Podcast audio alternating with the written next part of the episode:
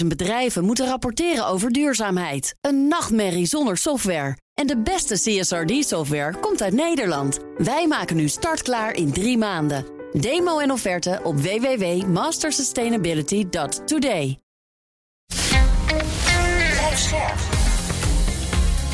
BNR Nieuwsradio. Boekenstein en de Wijk.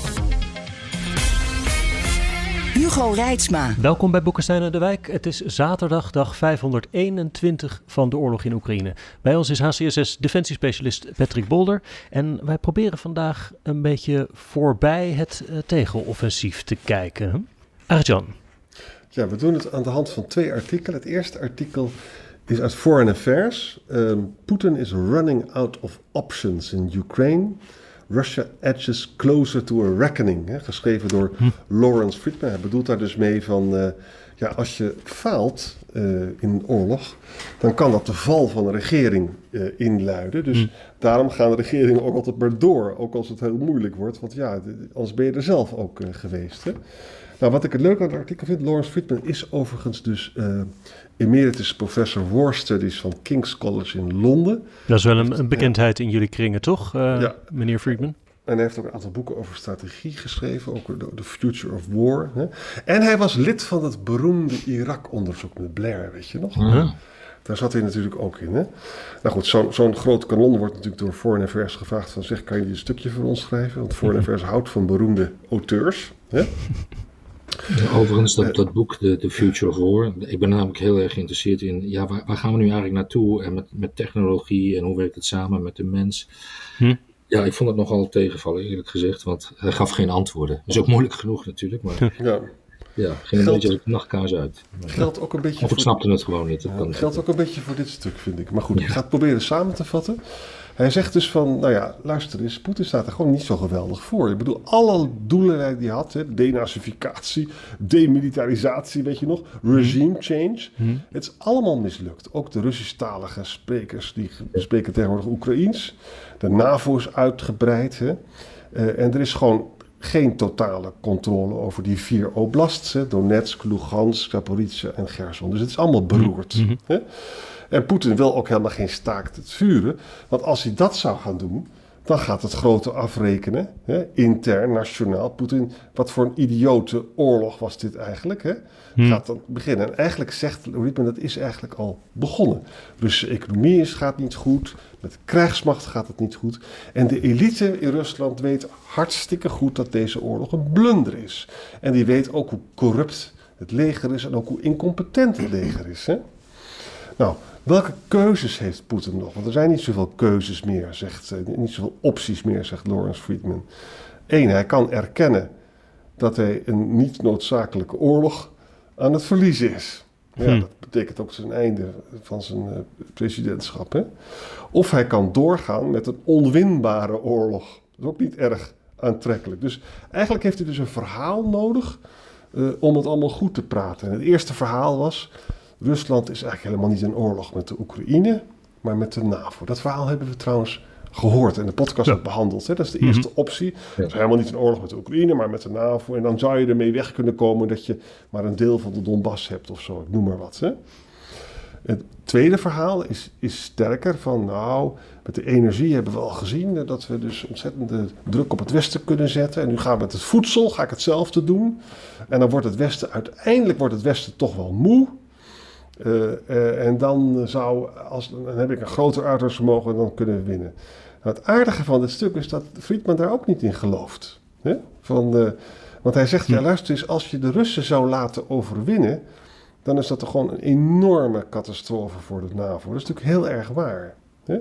Dus uiteindelijk is dit gewoon een oorlog waarbij het gaat om uithoudingsvermogen. En het Westen kan zich eigenlijk helemaal geen verlies veroorloven. En dat brengt ons natuurlijk met een bruggetje naar de vraag van als Poetin dus nu verzwakt is, Patrick, moeten we dan niet eigenlijk gewoon meer doen? En daarvan gebruik maken. Maar eerst, wat vind je van die analyse van Friedman, dat Poetin niet zoveel opties meer heeft? Nee, dat, dat klopt. Ik, ik heb het stuk natuurlijk ook gelezen en ik had met mijn highlighter en je ging precies door de stukken die ik gehighlight heb. Dus dat, dat komt mooi uit. Wat hij wel zegt is natuurlijk van hoe sterk is die NAVO-steun nog? En ehm, dat hangt met een heel groot gedeelte af ook van de Amerikaanse verkiezingen straks in november. Ja, zeker. Weten we zeker. Dat. dat is natuurlijk wel cruciaal, hè? Hoe groot is Amerika's steun? Want als dat wegvalt, is Europa dan in staat om Oekraïne ook in de benen te houden. Um, Overigens, vandaag zag ik weer dat uh, Peskov, de woordvoerder van Poetin, die zei, uh, die heeft weer geschroepen van, ja, wij zijn klaar voor besprekingen, maar Oekraïne wil daar nooit uh, aan toegeven. Mm -hmm. nou ja, we weten wat, onder welke voorwaarden Rusland natuurlijk die besprekingen wil voeren.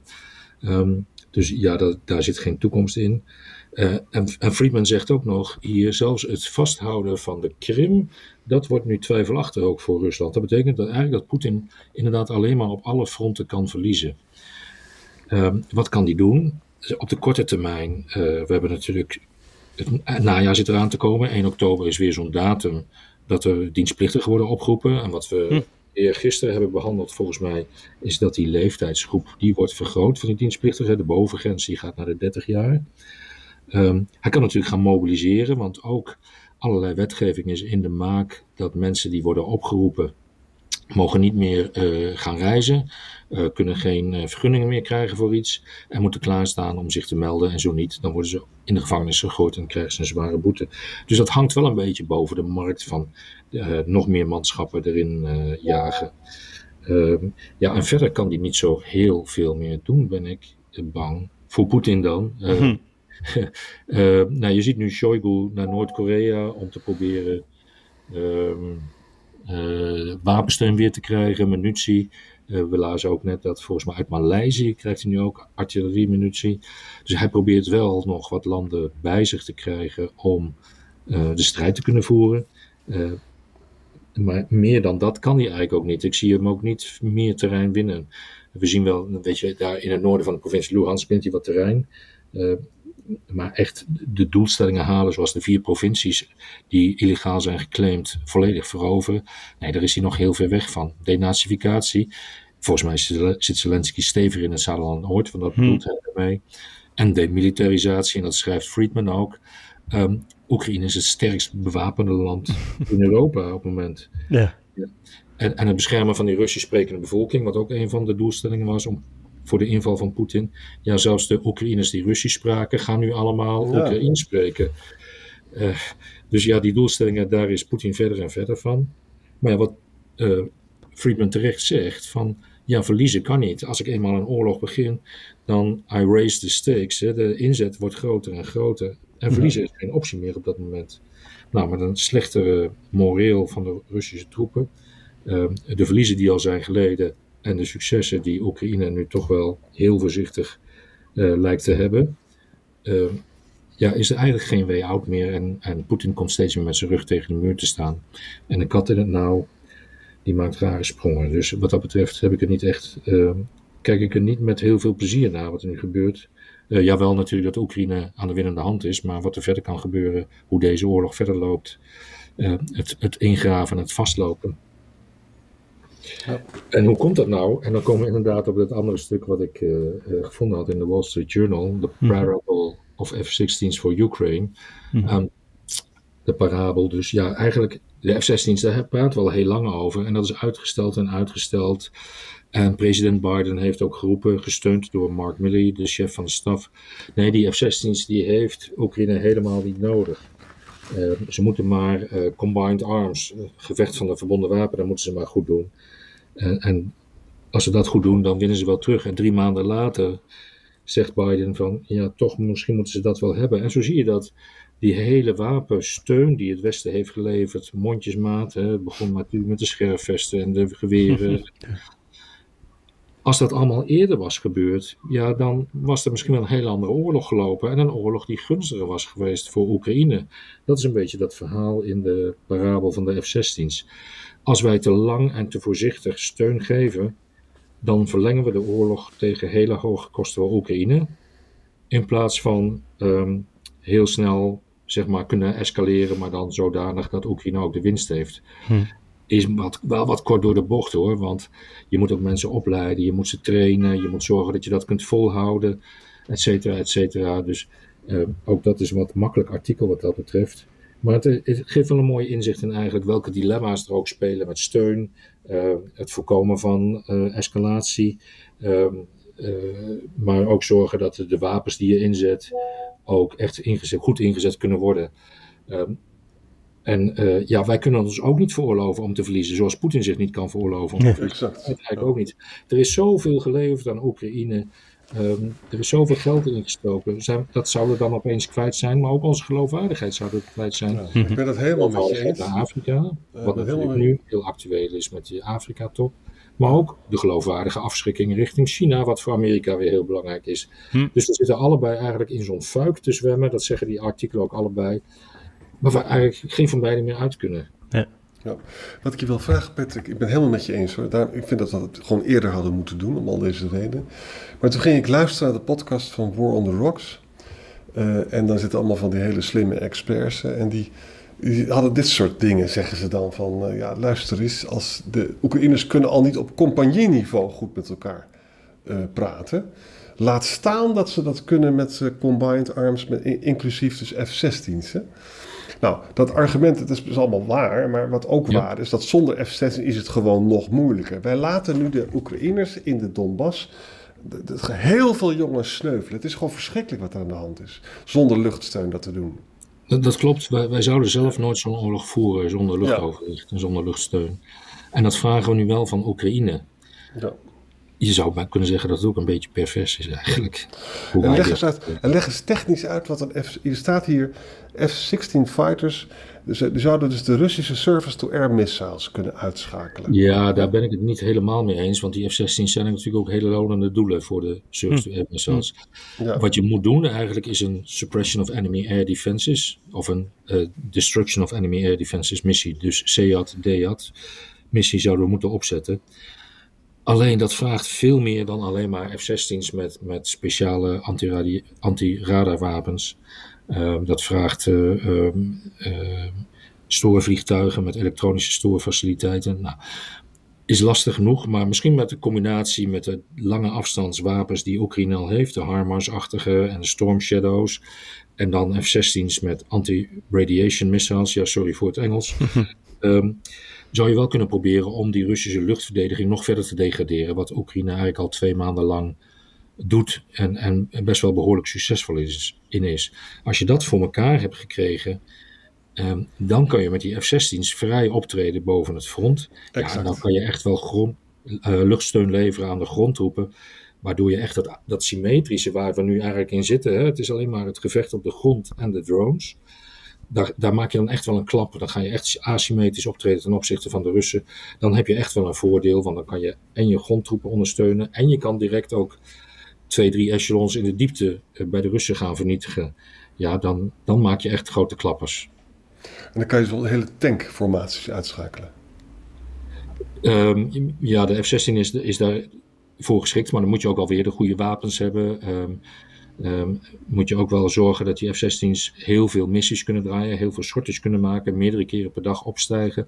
Goed contact ook met je grondtroepen, zodat je uh, op basis van het verzoek van, de, van een uh, forward air controller, zoals dat dan heet, uh, ook naar het doel gepraat kunt worden. en dat zijn allemaal wel kunstjes die wij in het Westen allemaal wel onder de knie hebben, maar pas ook na hele lange training.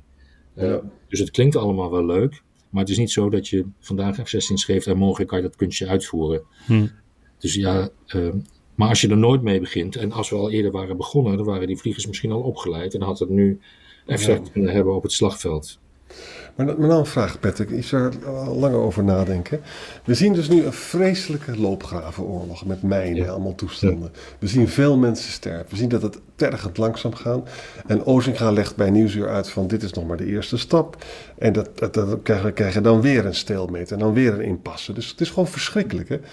Ik zou ook dan, als, als het allemaal zo erg is, en zo erg is het natuurlijk dan zou ik ook een beetje wachten om iedereen eh, de dood in te jagen. En pas in januari, februari, als die F-16 er zijn. Nou ja, voor een deel heeft Oekraïne dat ook gedaan. En ze waren begin juni begonnen met die, uh, met hun eigen tegenoffensief. En toen zagen ze al heel snel dat dat weinig effectief was en veel mensenlevens kostte. Toen zijn ze ja, zeg maar stationair geworden op de grond. Hebben ze niet heel veel terrein gewonnen. Maar zijn ze vooral bezig geweest met die interdictieoperaties. Ja, Juist In, de, in de diepte aanvallen op commandoposten, op voorraden ook heel veel. Uh, bevoorradingscentra, munitiecomplexen, brandstofcomplexen. Maar ook dus op die vijandelijke artillerie en de vijandelijke luchtverdediging. En dat hebben ze nu heel lang volgehouden. Ehm, en ik denk ook dat uh, het, het grote tegenoffensief van de, van de 27e, waar iedereen stond te juichen, eigenlijk van nu gaat het gebeuren, ook het testen was over hoe effectief is dat geweest. Moeten we nog doorgaan hm, hm. met die interdictie? Of kunnen we nu echt ook meerdere fronten uh, of meerdere plekken aan het front de tegenaanval openen? Nou, ik denk dat Rusland nog steeds wel heel veel heeft. Als je heel veel hebt, dan kan je een heleboel verliezen en dan heb je nog steeds over. En een beetje in die situatie zitten we nu volgens mij. Ja, ik denk het ook. Dus eigenlijk hebben zowel Rusland als het Westen en Oekraïne alleen maar de optie van uh, doormodderen. Ja. Waarbij het Westen dan uh, nieuwe wapens nog, uh, nog uh, zou ja, kunnen leveren, de F-16's. In september, en... ja, in september lijken in ieder geval de Abrams tanks te komen van de Amerikanen. Ja. Um, nou ja, ook dat is natuurlijk geen wonderwapen. Hè? Dat dachten we ook van, of dat dachten veel mensen van de Leopard 2. Je hebt ze wel nodig als je wilt doorbreken in een mobiele gevecht. Maar ja, als je tegen een mijnenveld staat aan te drukken, ja, dan is dat mobiele gevecht niet zo heel erg groot. en, en het blijft hm. symmetrisch. Um, en, en de Abrams en de Leopard, dat zijn goede tanks. Mobiliteit, vuurkracht, niks mis mee. Um, maar ja, ook de Russen die hebben enorm veel tanks er tegenover staan nog steeds. Ja. En, die, en, die Bradleys, en die Bradley kunnen wel ontmijnen, maar dan moeten ze rustig kunnen rijden. Terwijl ze dan worden ze weggeknald als ze ontmijnen zijn. Nou ja, de, de, vaak zijn dat ook uh, tankderivaten, zeg maar. Speciaal aangepaste Leopards, speciaal aangepaste Abrams tanks die kunnen inderdaad ontmijnen. Maar dat is ook een operatie die lang duurt. En dan heb je maar één spoor ter breedte van anderhalf, ander, twee tanks misschien vrijgemaakt. Maar dan moet je wel met z'n allen doorheen. Wat natuurlijk ook ja, daarom werkt het mijnenveld ook zo goed. Je gaat de vijand ga je trechteren, die ga je een bepaalde weg opsturen. En als jij die weg dan onder vuur hebt met artillerie, met antitankwapens, ja, dan, dan hoef je er maar alleen maar de voorste tank of twee tanks hoef je te raken. Die staan stil, de rest kan er niet omheen, omdat ze dan weer in de, in de, in de mijnenvelden vastlopen. En, en je kan nog misschien het beste, die ontmijningstanks uh, aanvallen. Want als je die niet meer, daar zijn er maar heel weinig van. en als je die niet hebt, dan is het ontmijnen ook veel lastiger. Vandaar ook dat het veelal onder dekking van de nacht uh, met mensen gebeurt. Echt het zoeken met mijnen, met, met detectoren. En dan heel voorzichtig met de prikstok de mijn proberen uit te graven. Ook gevaarlijk, want de Russen hebben ook de tactiek dat je onder een antitankmijn kan je een antipersoneelsmijn begraven. Ja, ja, ja, dan haal je die tankmijn weg en dan gaat die personeelsmijn af ja, het klinkt heel smerig en dat is het ook. Maar het is wel effectief om je te verdedigen. Heeft Poetin, uh, als we dus opties zitten doornemen, moeten we dan niet ook nog hebben over een optie van een nieuwe ronde van mobilisatie in Rusland? Waarmee uh, ze misschien nog meer mensen er tegenaan kunnen gooien? Jazeker. Um, maar je moet je afvragen, wat is het moreel van die mensen? Um, en het is dan allemaal kanonnenvlees wellicht. Uh, hoeveel zijn ze getraind? En, en, we zien wel steeds meer ouder materieel wat uit de opslag komt. Hoe bruikbaar is dat nog? Uh, uh, ja, hoe meer er tegenaan groeit, hoe meer er eerst gesloopt moet worden, zoals dat dan heet, gesleten moet worden. Uh, verlengde strijd, inderdaad. Ja. of wapens krijgen van een ander land. We hoorden net weer, China heeft toch wel dual-use apparatuur geleverd, civiel en militair bruik, maar, maar blijkbaar ook geweren, las ik net weer. En voor 10 miljoen euro, nee, het zal wel meer zijn. Uh, dat cijfer heb ik niet paraat, maar dat heeft Frankrijk uh, uitgevonden. En zo is China toch een beetje te viespeuken daar. Ja, ja, ja. Nee, jongens, ik word er niet gelukkig van. We, we, krijgen het, we krijgen niet snel een doorbraak, denk ik. Zul je zien dat er binnen drie weken een doorbraak is natuurlijk. Ja. maar ik verwacht Laten we hopen dat we het mis hebben dan. Maar ja. Um, ja, maar we moeten ook geen valse verwachtingen hebben. Het is een heleboel wensdenken aan de gang natuurlijk. We zien het zo graag. Ja. Maar het is zo moeilijk. Er zijn acht maanden gewerkt aan die verdedigende, uh, die fortificaties, die mijnenvelden, die tankgrachten. Ja, de Russen zijn wat dat betreft ook niet gek. En dat staat precies in hun handboeken en daar houden ze zich voor de verandering aan. Ja, en dan ben je wel heel effectief aan het verdedigen. En verdedigen is makkelijker dan aanvallen. En als je vijf keer tankgrachten en mijnenversperringen en mijnenvelden uh, door moet gaan, ja, dat, dat kost gewoon enorm veel tijd, enorm veel materieel en ook veel mensen. Je zei iets heel slims, Patrick. Van, je zei van gisteren, zei van luister eens, bij die twee sporen waar we nu vooruit gaan maken, daar zijn de meeste tankgrachten en haaientanden en noem maar op. Hè. Maar achter Bachmoed hebben ze minder tijd gehad. Dus het kan echt zo zijn dat dit gewoon een decoy is, dus een uh, ja, misleidende operatie. En dat ze bij Bachmoed met volle vaart... Het zou, mij, ja, het zou mij niks verbazen. Bovendien, als je bij Bachmoed doorsteekt naar het oosten, dan snij je ook nog eens een keer een heleboel Russische uh, uh, toegangswegen af. Hmm ground lines of communications, bevoorradingswegen die van noord naar zuid lopen in dat gebied, dus van Rusland, ja, door de provincie Luhansk naar de provincie Donetsk en van daaraf mhm. naar de provincie Zaporizhia. Um, dus dan heb je eigenlijk twee vliegen in één klap. Je hebt en een doorbraak geforceerd um, in, in een wat makkelijker, wel tussen aanhalingstekens hoor, uh, plek. Maar je snijdt ook nog eens een keer een, een bevoorradingsroute af en dan moeten de Russen helemaal via uh, het ten oosten van Oekraïne een aanvoer doen, wat nog meer tijd kost. Dus ja, um, als ik het voor het zeggen zou hebben, zou dat best wel een optie zijn die uh, nadere bestudering vereist. Laat ik het zo uitdrukken.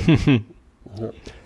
En het zou ook een enorme klap zijn natuurlijk voor het prestige van, uh, van de Russen. Als ze, als ze dat, uh, wat daarvan over is, als ze dat, dat nu weer kwijtraken. Ja, want ook dat dorpje Staromajorske, ook daar is natuurlijk niks meer van over. Hè? Wat, wat Helemaal kapot. Dus is Helemaal kapot. Helemaal weg. Bakmoed is ook weg. Ja, als je Bakmoed inneemt, is dat een enorme klap natuurlijk voor Poetin. En dan, dan zul je Prigozhin horen juichen van... Zie je wel, ik heb met mijn Wagner-troepen Bakmoed veroverd. Ja, en die ja. sukkels van Shoigu en Gerasimov kunnen het niet eens vasthouden. Ja. ja. En daar moet je misschien toch nog het meest van, van hebben, kan ik me voorstellen. De Russen helemaal het land uitdrijven wordt heel ingewikkeld. Ja. Maar het ze zo pijnlijk maken dat ze uit schaamte zich misschien maar terugtrekken. Nou ja, misschien een betere optie. Dat mogen ze niet, want dan krijgen ze een kogel in de kop van de, van de andere troepen. Hmm. Maar dat zou wel een enorme hefboom zijn in het, in het panzer wat uh, Poetin rond zichzelf probeert op te, op te richten natuurlijk. Ja. Dank jullie wel weer voor vandaag en wij uh, spreken elkaar maandag weer. Ja, tot maandag. Tot maandag. 50.000 bedrijven moeten rapporteren over duurzaamheid. Een nachtmerrie zonder software. En de beste CSRD-software komt uit Nederland. Wij maken nu startklaar in drie maanden. Demo en offerte op www.mastersustainability.today.